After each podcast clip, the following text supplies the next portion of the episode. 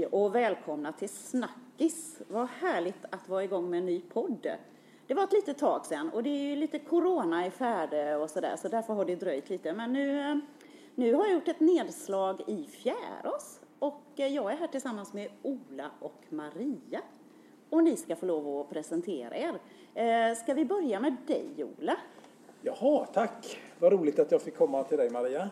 Jag heter Ola Johansson och jag är riksdagsledamot för Centerpartiet här i Halland.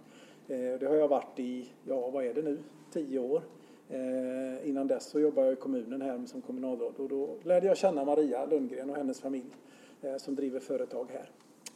Spänn ja, vad ja. spännande. Du, vad, gör, vad gör du i riksdagen? Ja, vad gör jag i riksdagen? Jag är inte i riksdagen så mycket nu för tiden. Man jobbar ju mest hemma. Nej, det gör. Men, men jag jag är ju ansvarig för Centerpartiets bostadspolitik kan man säga. Så allting som har med planerande och byggande och hur vi använder marken och, och sådana här saker har jag ansvar för. Att människor får tak över huvudet och att det, man kan flytta och hitta den drömbostad som man vill ha. Det är det, är det som jag försöker ordna med. Ja. Med politiska förslag och sådär. Ja, precis det. Ja. Och nu har ju vi fått eh, komma till Maria och hälsa på. Du kan väl berätta lite grann om dig? Alltså vi befinner oss i en helt fantastisk miljö ska jag bara säga. Eh, vi sitter i växthus och har fullt med blommande pelargonier runt omkring oss. Mm. Ja, men du ska få berätta om dig och din familj och företag och så. Mm. Tack. Ja, Maria Lundgren heter jag och jag driver tillsammans med min syster familjeföretaget Arvidssons i Fjärås. Och vi ligger utanför Kungsbacka på Fjäråsslätten i norra Halland. Ehm, vi har 32 500 kvadratmeter växthus. Och eh, vi odlar eh, krukväxter året runt, eh, drygt 2 miljoner krukväxter. Och uteplanteringsväxter gör vi. Ehm, vi sitter just nu i den pelargonsäsongen som du säger och det är inte varje dag kanske man sitter bland 12 000 pelargoner och spelar in, men det är en härlig miljö. Så det var väl roligt att det kunde vara här. Det är lite corona säkert också i och med att det är så stor luft i växthuset. Ja, precis. Och det är väl säkert så att var du än är i landet och går in hos en blomsterhandel, till exempel Blomsterlandet och, och lyfter på krukan så står det Arvidssons i Fjärås på pelargonen eller azalean beroende på vilken säsong det är. Ja, vi är en av Sveriges största krukväxtproduktioner. Så att våra växter säljs över hela landet. Eh, och vi är bland annat, som Ola du nämnde, Azalea, vi är marknadsledande på azaleadrivning. Vi har väl, skulle säga, drygt 60 procent av marknaden. Och vi har haft det i enormt många år, varit marknadsledare eh, på azalea. Vi bestämde oss en gång i tiden för att vi ska vara bäst på azaleadrivning. Vi ska vara, alltid ha liksom riktig toppkvalitet. För att väldigt många, den säljs ju väldigt mycket till jul. Det säljs på hösten, till jul och så är det vårsorter efter nyår. Eh, och eh, då, då bestämde, många gör julstjärnor, nästan alla odlare gör julstjärnor till jul, men vi bestämde oss för att inte göra julstjärnor, utan men då sa vi då måste vi vara riktigt bra på azalea. Så ja. det har blivit lite grann Arvidssons signum, det är Arvidssons azaleer. Och sen har det, jag varit inblandad i att starta pelargontema på, tillsammans med en av våra största kunder, Blomsterlandet, för drygt tio år sedan. Så vi har varit med och tagit fram, eh, vad ska vi säga, testa ut väldigt mycket bra pelargonsorter för att kunna presentera på marknaden så folk lyckas med sina pelargoner.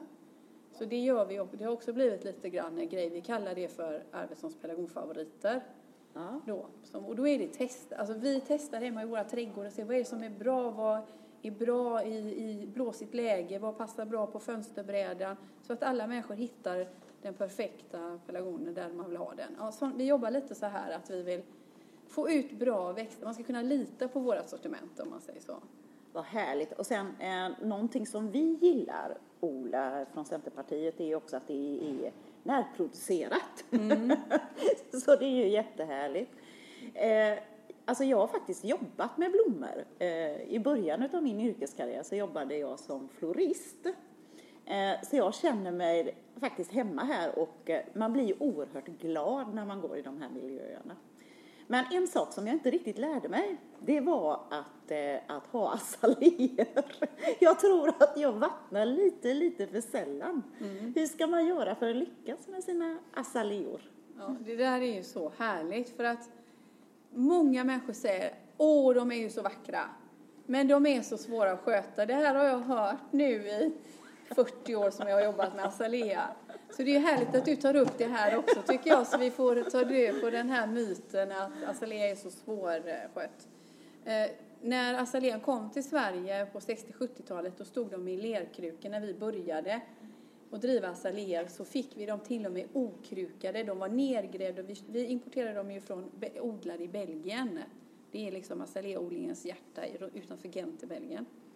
Och de första vi tog hem, de hade inte ens krukor på sig för de var odlade nere i marken. De grävde upp de jordklumparna, lastade dem i en lastbil. Så vi lastade ut azalea för azalea i bilarna och krukade in dem. Men då var det skogsjord de stod i och så var det lerkruka. Och det var ingen kapillärkraft i den jorden. Så det var ju så svårt. Man fick ju nästan, man fick ju aldrig in något vatten. Så då, då sa man ju det att man skulle sänka ner och det skulle bubbla klart, hela krukan. Men det är borta nu. Nu odlas azaleerna i plastkrukor med en torvblandad jord. Så att sen fem, drygt 15 år tillbaka så är det mer som att sköta en krukväxt. Men man måste ju ändå ha en- regelbundenhet i sin azaleavattning. Så jag säger, ta in azalean i din rutin. När du dricker kaffe på morgonen, då slår du ett halvt glas vatten i botten på en stor fin ytterkruka till azalean. Det är Ah, allt du behöver tänka på. vad bra! Men du kan inte göra det lite hipp som happ, utan man bara tar in det. Men å andra sidan så får du luft, den är väldigt bra luftfuktare, för det är ofta Ja. för torrt inomhus eh, på vintern när vi sätter på elementen. Ja. Så vi får lite problem med luftrören, med förkylningar och sånt. Azalean, det här vattnet som den dricker upp, det återfuktar den ju luften, så det är en väldigt bra växt att ha inne faktiskt på vintern. Alltså jag tror jag får ge azalean en ny chans här nu. Maria, du har övertalat mig. Ola, hur har du det med azaleer? Det är ju en väldigt fin blomma att ge bort. Kan man, säga, kan man verkligen. säga så? Ja. Så, och det här med skötseln är ju, det är ju lite problematiskt när man är borta några dagar i veckan som jag normalt sett är. Och kanske någon hel helg. Det är ju jä- jättesvårt att sköta blommor. Ja, Eh, Så att eh, det, det blir ju så. Det, det får ju vara det som är lättskött. Ja. Så är det ju faktiskt. Men, men det är ju roligt när man lyckas kan man säga. Det är en bonus. Men du, nu, det har ju varit ett väldigt, eh, vad ska man säga, speciellt år. Eh, jag tänker så här, vanligtvis så är ju du ganska mycket i Stockholm. Så har det ju inte varit nu när det är corona. Eh, om man säger normalt, eh, då åker du på måndagar eller hur, hur, hur pendlar man när man är riksdagsledamot? Det normala är ju att man åker upp på måndag kväll eller väldigt, väldigt tidigt på tisdag morgon.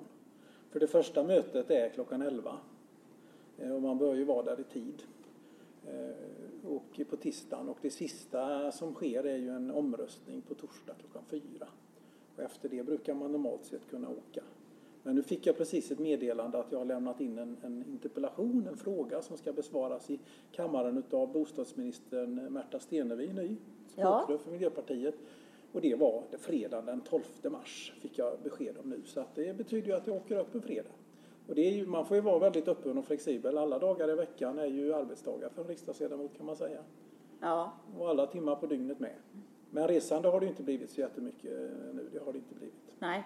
Det har ju för och nackdelar liksom eh, eh, med det. Men eh, om man eh, nu är uppe, eh, har, du, har man rum som man bor i då eller hur, hur funkar det? Ja, det funkar så att man, man, man har en lägenhet, en liten lägenhet som ligger hyggligt centralt på Södermalm, ligger min, Ja. nära Slussen och det är en stor arbetsplats. Jag har varit det nästan hela tiden sedan jag kom dit upp. Och där har jag vad jag behöver. Ett, ett kylskåp och en säng och en tv-apparat som inte fungerar längre för man har satt in digital-tv. Eh, Och eh, ja, garderober och kläder och ombyten för, för att kunna vistas där. Och leva ett liv där kan man säga. Jag tänker att när du väl är där uppe så är det väldigt intensivt kan jag tänka mig att man jobbar. Ja, sitta i lägenheten själv är ju inte så roligt utan det blir ju att man arbetar rätt länge på kvällen i sitt, sitt rum. Ja. Jag tänker, eh, jag vet ju att Maria, du ringde Ola utav en särskild orsak här för, eh, för ett tag sedan. Och vi brukar ju lyfta upp, eh, vad ska man säga, olika saker i de här poddarna som man vill skicka med och sådär. Och då vet jag att det var någonting som du tyckte att nej, nu, nu är det någonting med lagstiftningen här som, som du tycker har slagit ut tokigt.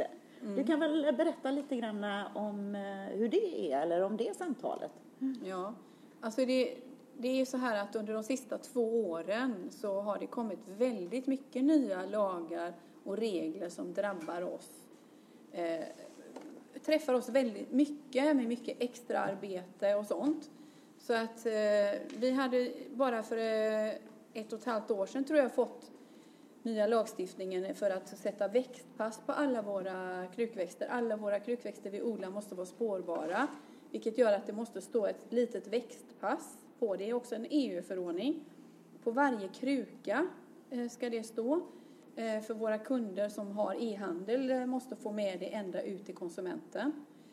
Så att det gör ju att man måste trycka om allting med alla krukor, man måste skapa nya register med växtpass. Vi måste ha spårbarhet från våra leverantörer med fakturer och leveranser och sånt. Och sen så har vi, kom det på oss att vi ska ha, vi har ju panna för att, driva, för att kunna ha energi i eh, växthus. Och då måste man ha eh, pannoperatörkurs, måste man gå igenom och certifiera sig helt plötsligt. Där har vi haft företag, våra företag startades av min och Cecilias föräldrar, eh, våra föräldrar 1963.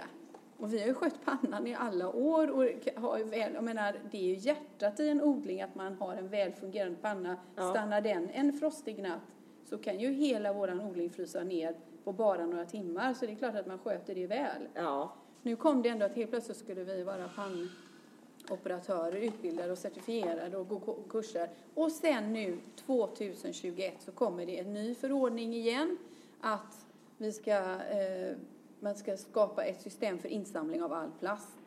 Och, eh, så att det blir ett retursystem och mer samlas in. Mm. Och då måste vi ansluta oss till någon som har ett insamlingssystem och det blir ju FTI då. Och de har du, tolkat. Nu kommer jag på en sak. Eh, vi har, för vi pratade lite grann om detta innan och då sa ju Ola så här att undrar om inte vi ska höra med Helena eh, Lindahl. Lindahl! Mm. Jag säger Sandahl fel här. Ja. Du, ska vi göra som så att vi eh, kollar om hon eh, kan hoppa in i samtalet här? Mm. Du kan väl berätta lite grann Ola, eh, för du sitter ju nu som sagt och håller på med bostäder och Helena, vad gör hon? Helena är ju, sitter ju i näringsutskottet och jobbar med företagarfrågor kan man säga utifrån det här som vi pratar om nu då, att det ska vara schyssta och bra regler för företagen och så. Eh, hon, eh, I näringsutskottet så har, ja, där har man ju företagarfrågor och det har ju inte jag riktigt på det sättet där jag arbetar. Så att, eh, jag tänkte att det var, kunde vara en bra kontakt. Helena är också väldigt skicklig på att nå ut med sitt budskap eh, via sociala medier och annat. Och är väldigt framgångsrik med det. Så att jag tänker att, att om vi tillsammans, Helena och jag, kan driva de här frågorna och kanske agera mot de ansvariga ministrarna med att ställa frågor i, i riksdagen och eh, kanske bjuda upp till en debatt med, med den ansvariga ministern också om de här frågorna så, så kanske vi kan åstadkomma en förändring. Men sen har ju Maria skrivit en motion till distriktsstämman också och partistämman i höst som ska behandlas som tar upp precis de här frågorna då. Att man ska lätta på regelbördan för små företag. Det tycker jag är en jätteviktig grej. Mm. Ja men det blir bara, när här, den här förordningen kom också med den här insamlingen utav plast. Det har skapats plastavgifter e, och inte bara plast för det är även papper. Allt emballage ska ha en liten avgift och vi ska på något sätt sammanfoga det och betala in en avgift och, och, eh, och eh, administrationen i det blir så tung så vi måste anställa extra personal. Eh, och vi, helst ska man redovisa det ut till konsument och ändra sina affärssystem. Alltså bördan blev så stor så jag bara, alltså, alltså det här går inte. Stopp, nu räcker det. Mm. Kände jag bara. Det var därför jag kontaktade Ola. så det här sitter vi nu och Ola har kontaktat, det har blivit en kedjereaktion. Men ja. det behövs. Det går inte att genomföra. Nej. Här, det här går inte, det här måste stoppas. Nu ska jag göra en liten utvikning mm. på ja. frågan. Du, kan, kan inte du bara skicka ett sms för det, det, är ju så bra när du ringer Maria. Eh, det finns ju flera exempel. Vi har ju jobbat ihop i politiken också. Mm. Du har ju varit eh, kommunpolitiker för Centerpartiet och är väl också det kanske. Ja. Men, men, med ett uppdrag. Ja. Och eh, när jag jobbade i kommunen så ringde du mig av en annan anledning och det var ju när ni skulle bygga någonting här mm. intill en damm. För då är det så att driver man ett trädgårdsföretag så måste man ju ha dammar på lite olika sätt där man förvarar vatten och, eller ja, där, mm. där man för bevattning eller vad det nu är för någonting. Och då sa du att det är så dumt för vi skulle bygga en byggnad och vi fick ju strandskyddsföreläggande när vi skulle bygga intill en damm som vi själva hade grävt. Mm. Ja. Och när, Det och när vi, och när vi Det låter nu, ju sådär så det är, det verkar, är ju inte riktigt sunt förnuft. ja, det är liksom. hål i huvudet som vi Ja. säger. Ja. Men- Men, då, men då, då blir det ju så då när, när vi nu har lyckats att få till en utredning då och fått igenom i januariavtalet att vi ska förändra strandskyddet och förenkla det. Då är ju detta precis en sån här regel som kommer att tas bort. Och det blir ju så väldigt tydligt när man får ett sånt samtal som från Maria då, när man beskriver en sån här situation, att kunna använda det i debatten för att visa hur orimliga reglerna är då. Och, och, och även om man då är en person som vill skydda stränder och tycker att det är fina miljöer och sådär så borde ju alla borde ju hålla med om att ett, tom, ett, ett, ett, ett uttorkat dike som någon har grävt för 20 år sedan eller en, en damm som man använder i verksamheten inte får lov att hindra att man bygger lokaler för samma verksamhet. Ja, men man tycker ju det, det känns ju helt förnuftigt, men det var det inte. Men då har du använt det exemplet. Och, Jättemånga gånger. och, alltså det är ju helt otroligt Ja. bra. Så man ser att nätverk är så viktigt att vi, och som jag säger nu, stopp nu räcker det. Alltså vi Ja. måste prata med varandra, dialog. Det måste ju vara det viktigaste, ser man ju. Vad kul att det har blivit resultat. Sen, Det tar lite tid, det bara det som är. Jag inte Du, riktigt denna, gången, denna gången får det inte ta så lång tid, Ola, för nu är det skarpt läge här. Ja, just det. det blir inte yngre och yngre. ja, eh, och nu säger Maria stopp, nu räcker det. Och då tänkte ju vi att eh, ja, men vi hör av oss till dig Helena som nu är med oss på Teams här. Så vi ska se hur detta funkar. Eh, jo, Helena, då är vi ju lite nyfikna på, vem är du? Jag vet ju att vi vet ju att du jobbar med Ola i riksdagen. Men var kommer Mm. du ifrån och vad har du för uppdrag? Eh, Jag kommer från Västerbotten, eh, från Robertsfors kommun. Det är en liten kommun med 7000 invånare som ligger mellan Umeå och Skellefteå. Och eh, sitter i näringsutskottet eh, sedan flera mandatperioder. Jag brukar säga att det bästa utskottet. Eh, Även när Ola hör på, men jag har inte suttit i något annat utskott så jag vet ju inte. Nej, och att vi tog kontakt med dig här då, det var ju för att Maria här har, eh, som är företagare nerifrån eh, Fjärås, eh, har ju lite problem med de här nya reglerna som har kommit. Eh, Maria, ska du berätta lite kort här eh, för Helena, liksom vad, vad det är som är problematiken med, med de här nya ytterligare reglerna som har kommit? Ja, det är ju den här nya förordningen eh, med insamling av plast, att man vill skapa ett, eh, bekosta ett insamlingssystem, vilket gör att man har satt avgift på alla förpackningar och man har lagt den här nya förordningen som kom, som eh, har lagt ansvaret för ins- ett nytt insamlingssystem eller ett utökat insamlingssystem av alla plaster och pappers, alla emballage helt enkelt. Det har man ju lagt på den, fyllaren kallas det ju, ska eh, ta hand om systemet, se till att skapa eh, avgifter för att det kan hanteras och betala in till eh, Naturvårdsverket. Och det har blivit så krångligt utformat så det går inte ens, vi har suttit i flera, vi har lagt flera dagars arbete bara på att sätta in i, oss in i regelverket och försöka hantera det. Och det går inte ens att genomföra och jag tycker att det, det får vara stopp på lagar som inte ens går att hantera. Eh, vi får ju en avgift på alla emballage som fördyrar varan och det är väl okej. Det, får väl, det är ju meningen att konsumenten ska betala det för emballage och så. Men det räcker inte med det. Vi får också eh, kostnader på bara hanteringen i företaget. Alltså, varje faktura ska bli eh, ska det helst stå på. Så vid varje fakturahantering helst vill man då att det ska komma på en avgift. Det är bara att hos oss exempelvis så har ju vi olika produkter som genererar olika avgift för varje produkt. Om de har en plastkruka, om de packas i pappersemballage eller plastemballage, om de har etikett Eh, och sådana saker. Så det är nästan, du får inte, alltså det, du får lägga fler, eh, jag pratade med en annan eh, aktör i branschen, eh, företaget som äger alla blomsterlanden, S-Invest. De sa att de kommer få lägga minst en miljon på att bara utveckla sitt affärssystem för att hantera det här. Och då känner man bara att det har blivit för krångligt. Det går inte. Vi måste stoppa. Vi måste göra om. Och vi måste hitta ett annat förslag på hur vi får till ett retursystem. För klart att plast ska minskas i samhället. Men inte på detta sättet. Det går inte. Nej, och det, det vet jag. Ja. Eh, och eh, när du hör det här Helena, för jag vet ju att eh, både du och Ola, ni är ju så tacksamma ofta för att ni får de här konkreta exemplen. Vad, hur tänker du? Ja.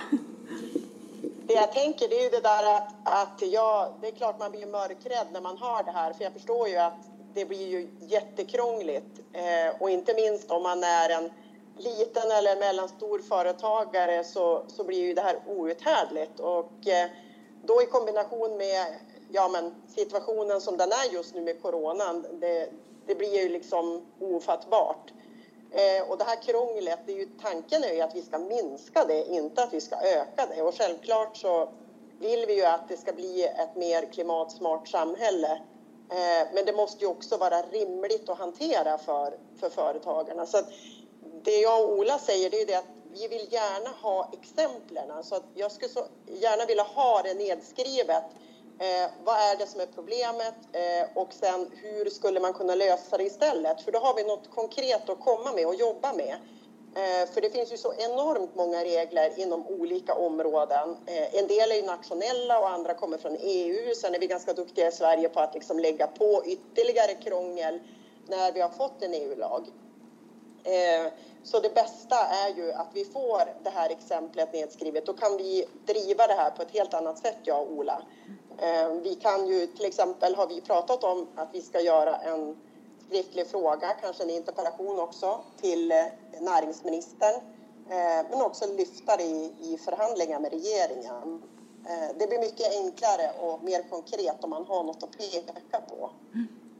Ja, Ja, jag, jag tycker det är fantastiskt att, eh, jag är ju tacksam att jag känner våran riksdagsman här i Halland, Ola, och när, när man känner att nu är det nog att man har någon att kommunicera med och att vi också får att vi, att vi kan få direktkontakt med dig Helena på det här sättet som företagare mm. ute i Sverige.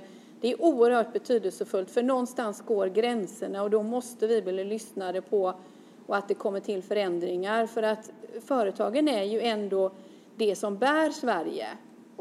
Vi måste ha att det fungerar ute i företagen och att man kan bedriva verksamhet för att få in pengar och för att vi ska ha råd med den här skol, eller skolor och sjukvård och så som vi behöver. Så där måste vi ha ett samarbete. Därför känner jag stor tacksamhet att vi kan bolla in det till att ni tar tag i den frågan. Ja. Så bra! ja. Eh, och ni skapar ju mycket jobb också här eh, hos Arvidssons. Hur många anställda har ni? Ja, vi är ju cirka 15 an, fast anställda, men vi har, vi har ju också väldigt många säsongspersoner som kommer. Så vi är i högsäsong 30 personer som jobbar här, men det är inte bara 30 personer. Vi pratar om 50 personer som är involverade i våra högsäsonger. Så det är många här på orten som har extra arbete under högsäsong och många som har flyttat hit för att vi är här också till Kungsbacka och, och så. Mm.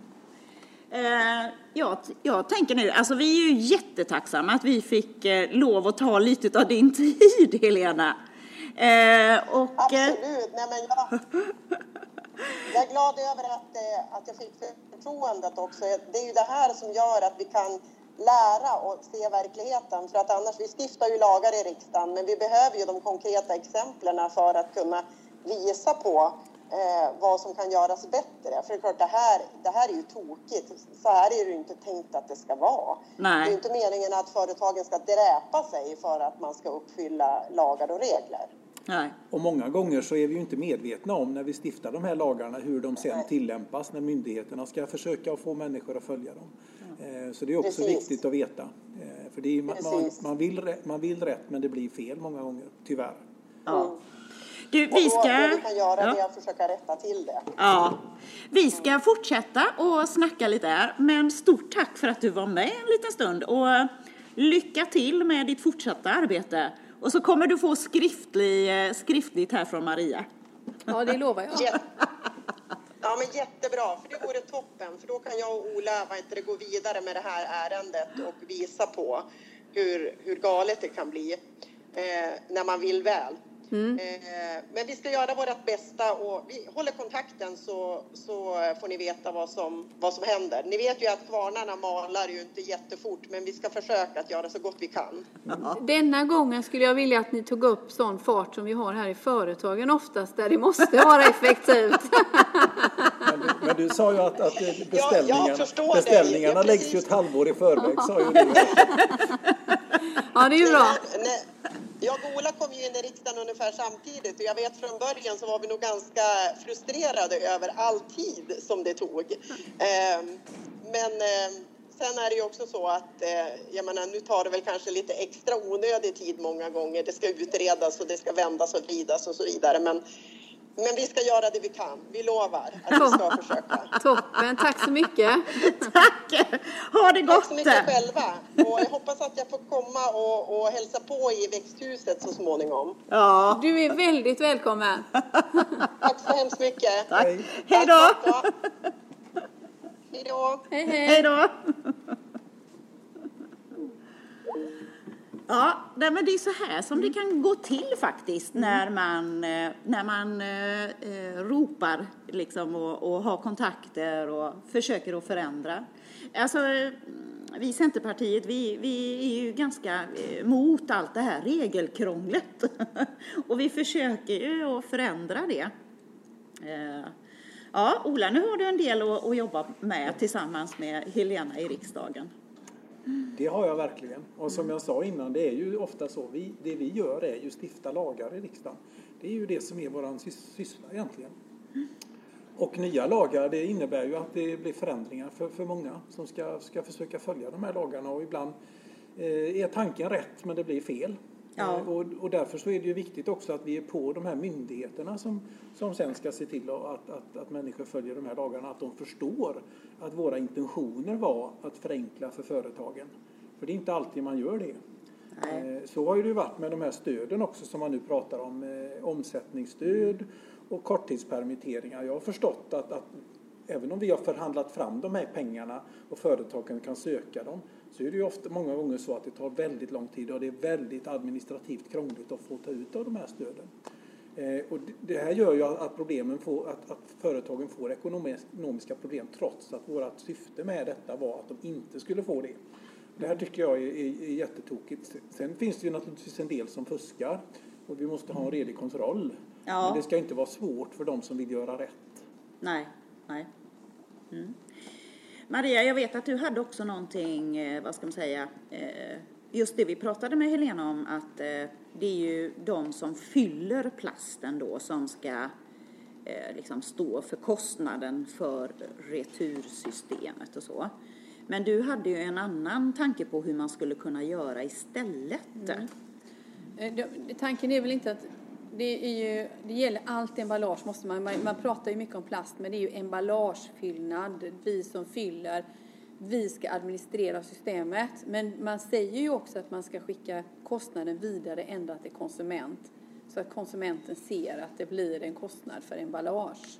Det står liksom lite grann där. Och det, men då måste vi administrera det på något sätt så det hamnar hos oss. Kost, liksom, de extra kostnaderna hamnar hos oss vi som är fyllare. Men, nej men jag, jag, det, jag menar alla vi ser ju att vi är väldigt tokigt ute i världen med miljöförstöring. Det är ju ingen ja. som tittar på tv eller är med i samhällsdebatten som missar det. Så det är ju inte det som det är fel på, som Ola säger. Vi tänkte, vi har en bra intention men det blir fel. Så mitt, mitt förslag är ju att man gör det, och det, det jag har två förslag. Man gör detta enklare. Man lägger en skatt på plast hos den som producerar och även papper. De som producerar emballaget köper plastmassa, köper pappersmassa. Där läggs en skatt. Och det, de materialen som är mest miljöpåverkande, de ska ju ha högre skatt, eller hur? Ja. Så vi kan fasa ut dem. Och på så sätt så lägger man in de pengarna i den skatten ska gå öronmärkt till att skapa ett fungerande retursystem nära människor ute i bostadsområden och så. Så att all plast samlas in och sen så blir ju den plasten då som samlas in billigare i förhållande till att köpa ny plast. Mm. Så som jag sa, ett exempel här, om vi då står inför att köpa nya krukor till våra krukväxter så kostar eh, plastkrukor i ny plast kostar kanske en krona och plast, plastkrukor i returplast kostar kanske 60 öre.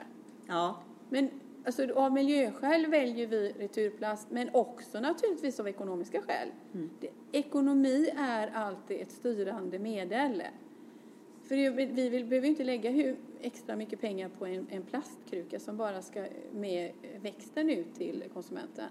Så, men då åstadkommer man miljösaken tillsammans med ett ekonomiskt incitament. Mm. Och jag tror att EU skulle kunna ta in den.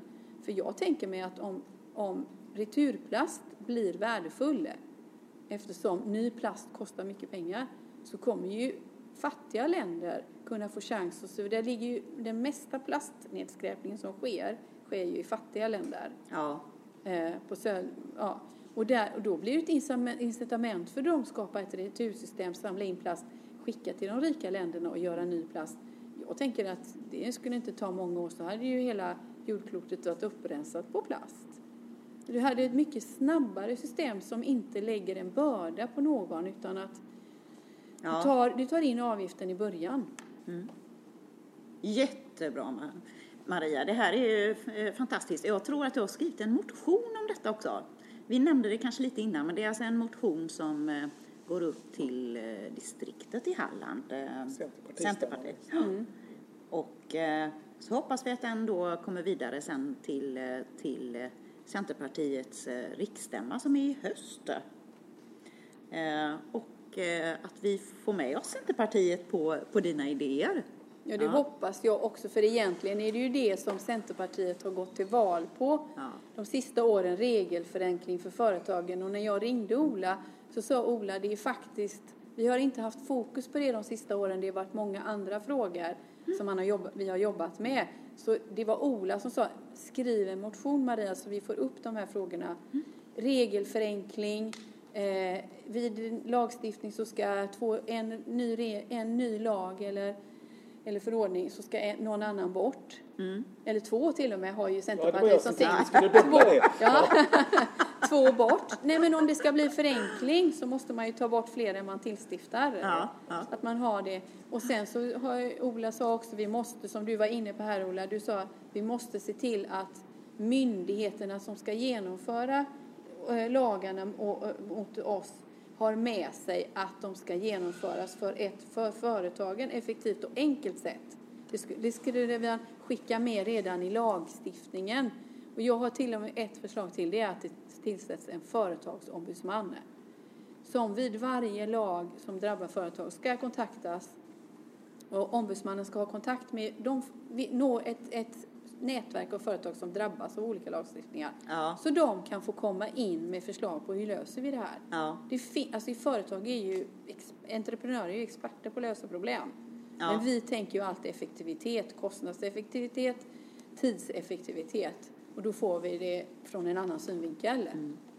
Jag tror att de flesta företag och de flesta konsumenterna, de vill ju vara med och ställa om och hjälpa till och skapa ett, ett, ett samhälle med, där vi inte får ut plast i naturen eller, eller, eh, eller så. Och att, att, man är beredd att göra en liten arbetsinsats om man känner att det är rimligt. Absolut. Eh, men, men, risken är ju när man inför eh, den här typen av regler på fel sätt att, att människor struntar i det och blir lite anti istället. Det är ju ja. inte bra. Nej. Nej, men vilken härlig input du har fått här nu Ola att ta med dig. Du, vad händer, vad händer mer i riksdagen? Vad ligger i, i pipen här nu? Ja, vad ligger i pipen för min del så är det ju ganska mycket av de här, alla de här utredningarna som har pågått sedan vi gick in i januariavtalet. Då satte vi ju press på regeringen att man skulle förenkla byggprocessen och man skulle underlätta för människor att kunna söka och få bygglov. Om man vill bygga till någonting till till exempel en sån här anläggning så ska det vara kanske till och med i vissa fall bygglovsfritt. Eh, och sen så har vi ju också en del saker som rör eh, bostadsmarknaden och hur den fungerar. Och det här håller ju på att levereras in nu så att nu ska vi ju granska de utredningarna som kommer Och förhoppningsvis om regeringen eh, vill hjälpa oss med det, se till så att vi genomför bra och nya lagar som förenklar bostadsmarknaden. Det är ju det som jag ägnar min tid åt mest. Ja. Sen har jag då på fredag, nästa fredag så ska jag åka upp till Stockholm faktiskt och ta en interpellationsdebatt med Miljöpartiets nya språkrör Märta Stenevi som handlar om bullerkrav och bullerriktvärden som jag tycker att det tillämpas på ett sådant sätt så att det försvårar byggande. Eh, och det ska jag ta upp och diskutera med henne. Ja, ja. Eh, intressant. Nu vet jag här att jag tror att du sitter i eh, en bolagsstyrelse också, Maria. Var det Eksta?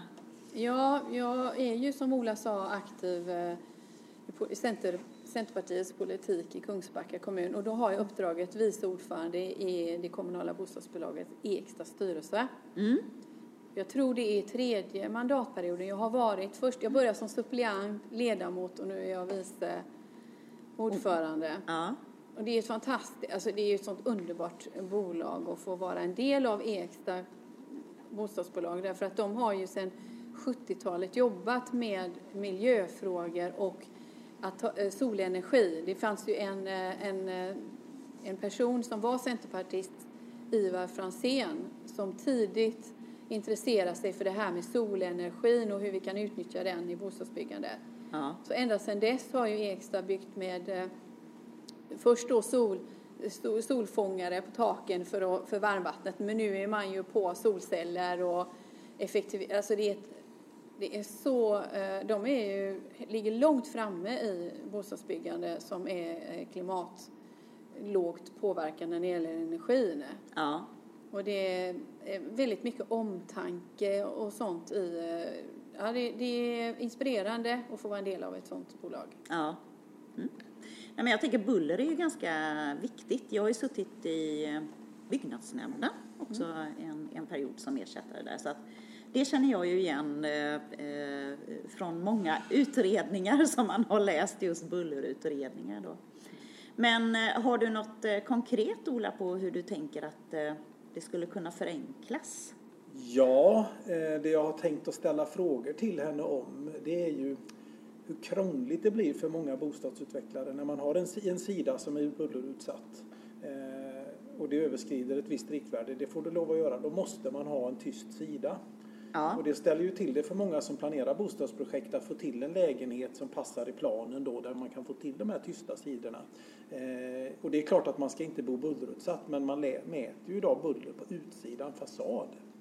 Eh, och det är klart att man ska kunna öppna ett fönster någon gång ibland om man blir vädra eller man vill titta mm. ut men, men, men det normala är ju egentligen att man stänger om sig och att det är ljudet som uppstår inomhus som är det som man behöver mäta. Och det här har ju vi drivit länge i Centerpartiet och vi har också sett till så att man har ändrat bullerriktvärdena så att man kan få till bostäder också där det kanske är nära någon trafikled eller det tåg eller något sånt där. För många människor vill bo så. Eh, så vi driver på för detta. Men sen är det klart att buller är ju också en hälsofråga. Ja. Vi måste ju ha miljöer som icke är bullerutsatta. Men jag tycker just att bostäder som byggs med modern teknik, de ska kunna stänga ute buller. Så det, det är det jag vill diskutera med, med, med Märta.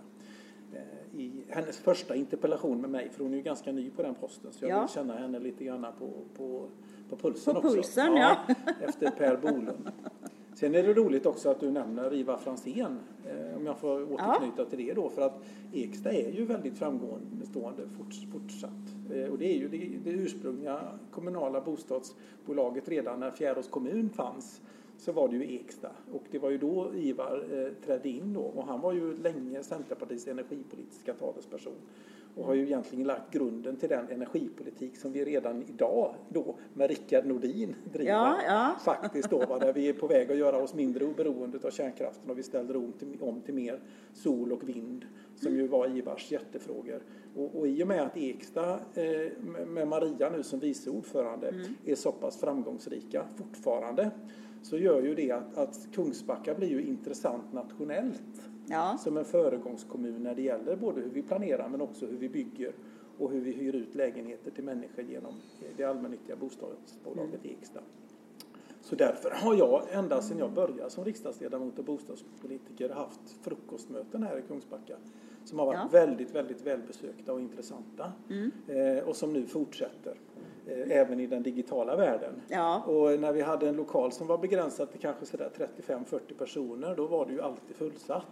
Men nu är det inte fullsatt längre utan nu kan jag ta 100 anmälningar utan vidare Ja. och genomföra ett bra frukostmöte. Så det ska vi ha ett den 26 mars på fredagen där digitalt. Och då kommer ju bland annat Lantmäteriet komma dit och prata om hur man använder sig av digitalisering och så kallad geodata i planeringen. Så det är väldigt framåtsyftande också kring Ja. hur vi kan använda digital teknik för att snabbare och på ett bättre sätt kunna planera fram bostäder och annan infrastruktur. Så det var lite reklam. Ja. Både om Eksta, om Kungsbacka, om Maria och om Ola Johanssons bostadsfrukostar. Ja men vad härligt. Eh, Du, det har varit superkul att få sitta och, och snacka med er. Och nu har vi ju berört eh, faktiskt ganska många viktiga ämnen. Eh, Så att tack för att ni ville titta förbi Snackis, Centerpartiet i Hallands podd. Och så ha, ha det så gott. Tack så mycket. Tack Tack så detsamma. mycket. Tack för att vi fick vara med. Lena. Hej.